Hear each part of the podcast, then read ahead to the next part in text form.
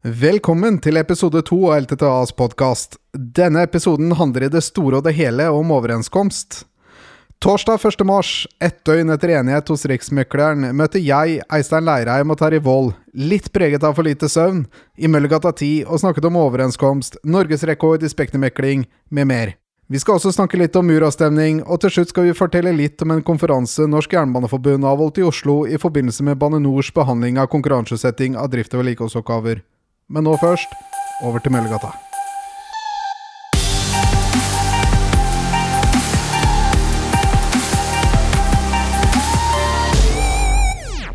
Velkommen til podkastepisode to.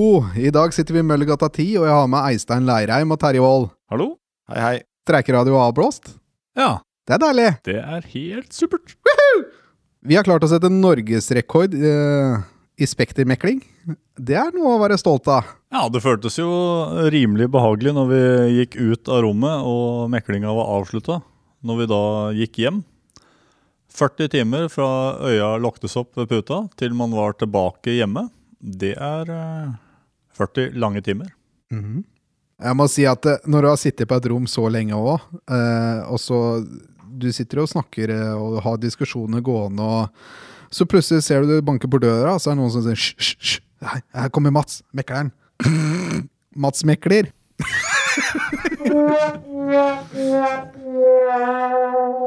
En av de tingene vi er eh, mest fornøyd med, og som vi er eh, faktisk unike i Spektersystemet og klart å få på plass, er at det er enighet om at eh, partene skal sette seg ned og lage et partssammensatt utvalg i Bane NOR som utarbeider en skriftlig veileder for arbeidstidplanlegging og medvirkning fra tillitsvalgte i dette arbeidet. En av intensjonene der sånn er at vi har jo klart å få fram en eh, en slags ankemulighet på arbeidsplaner der det ikke oppnås enigheter lokalt. Eh, og da, det vil si at det er ikke bare én ankemulighet, det er to. Eh, blir det ikke enige om arbeidsplan eller, lokalt med bruk av gjennomsnittsberegning, sånn som det står i overenskomsten, så skal det løftes opp på divisjonsnivå. Og hvis det ikke blir enighet på divisjonsnivå, så skal det framlegges for et partssammensatt utvalg på konsernnivå hvor eh, konserndirektør HR og konsernsjefen sitter sammen med to foreningsrepresentanter. Hvem de foreningsrepresentantene blir ennå, det, det har vi ikke satt oss ned og snakket om. Men sjølve intensjonen i hvordan eh, arbeidsplaner og gjennomsnittsberegning og arbeidstid skal utformes, så har vi jo fått en medvirkning nå som eh, ingen andre i Spektersystemet har. Det er, det er ganske utrolig. Ja, det er veldig bra. Det er eh, en videreføring av det statlige systemet nesten, i en litt annen variant. Vi har klart å lande en plattform hvor vi har videreført det vi hadde i Jernbaneverket. Arbeidstid, reisetid, vi har fleksitidsordning, vi har ukentlig fritid, som i tillegg har blitt litt bedre. Og vernet rundt eh, ekstrafridagen for de som går turnus, altså gamle særavtalen om eh, arbeidstid i Jernbaneverket, den som da begynte senest 21 og er ferdig 03.00, begynner nå senest 21. Det står i teksten at den skal tilstrebes og begynner klokka 17. Eller 18. 17. 17. 17, Det er litt som gamle dager. Ja, i gamle dager. Men det, dette, det de har med teksten der, er at når man har ukesfridagen, som er F1 i GATT-systemet, så skal den begynne senest 17 og vare til 05. Den samme teksten står om at skal, intensjonen rundt ekstrafridagen skal være den samme, men at den skal begynne senest 21, men vare til 05.00. Det er en forbedring på to timers vern på natta i forhold til hva som var i særavtalen med arbeidstid i Jernbaneverket. Og det er en stor seier, altså. Men jeg må si, eh, altså Spørsmålet har vært hvorfor har Norsk Jernbaneforbund Hvorfor blir vi sittende og mekle mens eh, Delta og YS gikk ut med enighet? Ja. Og det kan jo presisere da at når vi satt i mekling, så satt vi ikke der alene. Vi satt sammen med vårt søsterforbund, Norsk Lokomotivmannsforbund, og vi, eh, vi satt der sammen med våre kamerater til vi hadde landa to overenskomster. Det var ikke bare vår egen. Så vi hadde noen eh, viktige prinsipielle saker å lande, og da ble vi sittende til vi var ferdig. Ja, Bare for å tydeliggjøre litt. altså Når eh, Delta, da, som gikk først ut og sa at man underskrev avtalen, så var Jernbaneforbundet også ferdig forhandla med den avtaleteksten og begynte på da Lokforbundets Nei. Innholdet i avtalen kan man ikke prate noe om her. ikke sant? Hvordan meklinga har foregått og sånn, det er ikke noe man kan gå ut med. Men når man skal lande to avtaler, så er det ikke landa før to avtaler er landa. Så hvordan de andre har forhandla seg fram til, eller mekla seg fram til et resultat, det kjenner ikke vi til. Men man kan si det så tydelig at man har to overenskomster man må lande, og ingenting er landa før det er landa. Derfor gikk vi når vi gikk.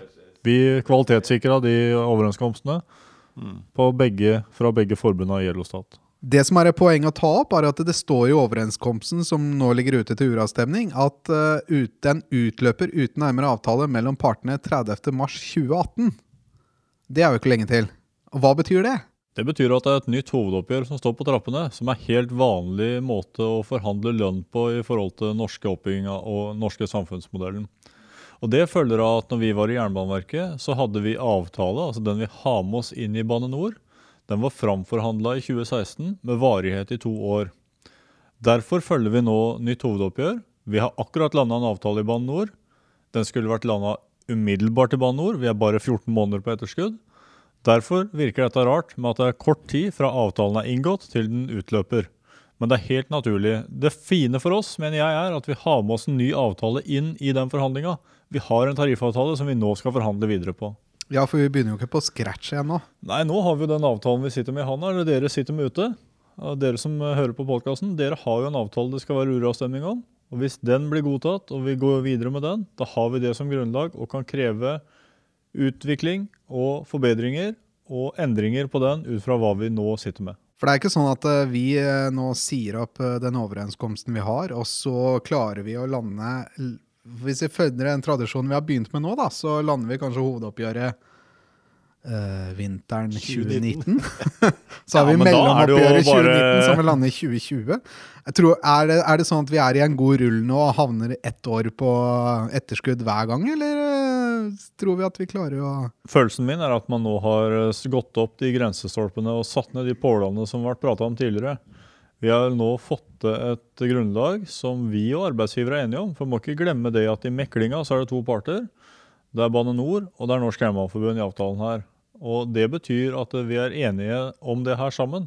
Og det må jo være et utgangspunkt for videre samtaler og videre forhandlinger om avtaleverket videre. Det syns jeg er viktig å minne om, og det tror jeg også arbeidsgiver står inne for. Nå skal du på uravstemning, og da skal jo medlemmene si ja eller nei. Men hva sier magefølelsen din da? Ja. Det gjør min òg. Ja, han gjør det. Min også. Veldig mye positive tilbakemeldinger. Eh, vi håper at du er fornøyd med podkasten. Eh, hvis du ønsker å ta kontakt med oss, så kan du sende en e-post til podkast at ltta.no. Eh, der tar vi gjerne imot innspill, eh, ris og ros og alt som er. Eh, ikke sant, Eistein? Det er viktig, og vi har ingenting å prate om hvis ikke dere har lyst til å høre om noe. Eller vi har masse å prate om, men det er ikke sikkert du har lyst til å høre på.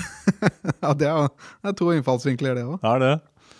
Og tips til underholdning, hvis det er noe dere har lyst til å ha med. Noe dere tenker at det er noe som de andre medlemmene i Landsrådet for trafikk, teknikk og administrasjon kan ha nytte av å vite om. Som er morsomt, informativt og eh, alt du måtte ha å bidra med. Podkast, alfakrøll, ltta.no. Og du sier alfakrøll, jeg sier at, jeg. Ja. Nei, altså prate Podkast at LTTA eller podkast alfakrøll? Sier du dot eller punktum? Eh, tegn, uh, tegnsymbolprikk. ok. Punktum. Så, ja, punktum, ja. Er det dot? Ja, dot, at og dot? dot ja. ja, TTA. Er vi der òg? Nei, men vi kan ta det på svensk, da. Podcast. Snab... Nei, alf, Sna snabelkrøll? Snabelalfa. Snabelalfa, ja. Det alltid det.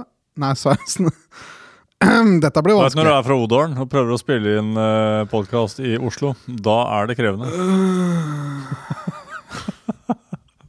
Vi kan nås på podkast, snabelkrøll, alfasnabelkrøll, ltta.no. .no. .no. Hvis du klarer å sende mail til oss, så skal vi love at vi skal lese den.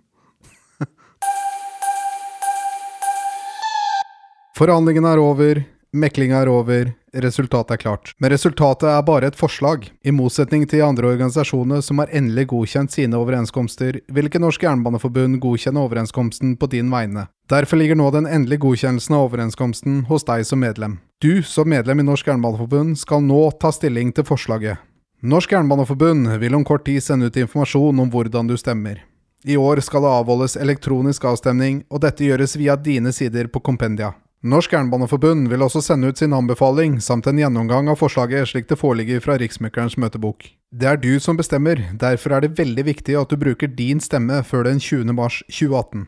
Det er mange måter man som medlem kan si sin mening på, men dette er kanskje den aller viktigste, og den aller enkleste.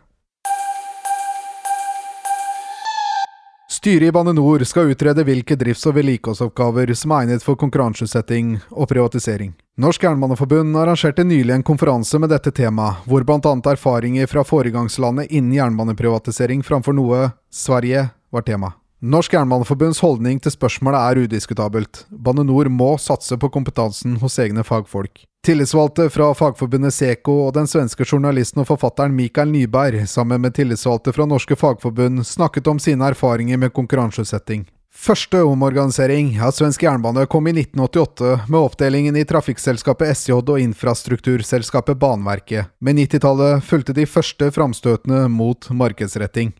Troen på markedsløsninger er nærmest som en religiøs overbevisning hos politikerne, sa Kristoffer Arvidsson, utreder hos Seko, og viste til at Sverige hadde nok av negative erfaringer fra land som New Zealand og England å lære av, uten at det gjorde inntrykk på Riksdagen. I 2010 ble Baneverkets produksjonsavdeling bolagisert under navnet Infranor.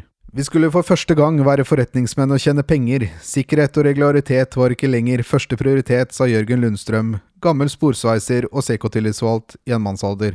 Erfaringene fra noen år med anbudsregimet er ifølge de tillitsvalgte et voksende etterslep på vedlikehold, oppstykking av ansvar som innebærer større risiko for at feil begås og færre fagfolk ute i sporet. Det som er lønnsomt for jernbanen i sin helhet, er ikke nødvendigvis det som tjener det enkelte selskapet som har anbudet.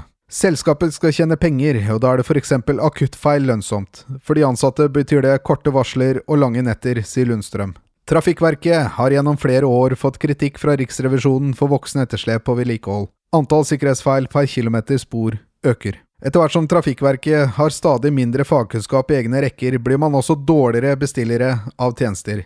All kunnskapen sitter hos entreprenørene. Mikael Nyberg, forfatter og journalist, som bl.a. har skrevet boken Det store togranet om biologiseringen og privatisering av den svenske jernbanen, avviser at svensk jernbane er blitt mer lønnsom. Riktignok sank vedlikeholdskostnadene og antall sporkilometer økte på begynnelsen av 2000-tallet, men til gjengjeld økte de indirekte kostnadene mye mer. Man har helt enkelt avskjediget et antall banearbeidere og i stedet ansatt masse administratorer som sitter på kontor og leder anbudskonkurranser, skriver kontrakter og tvister med selskapene.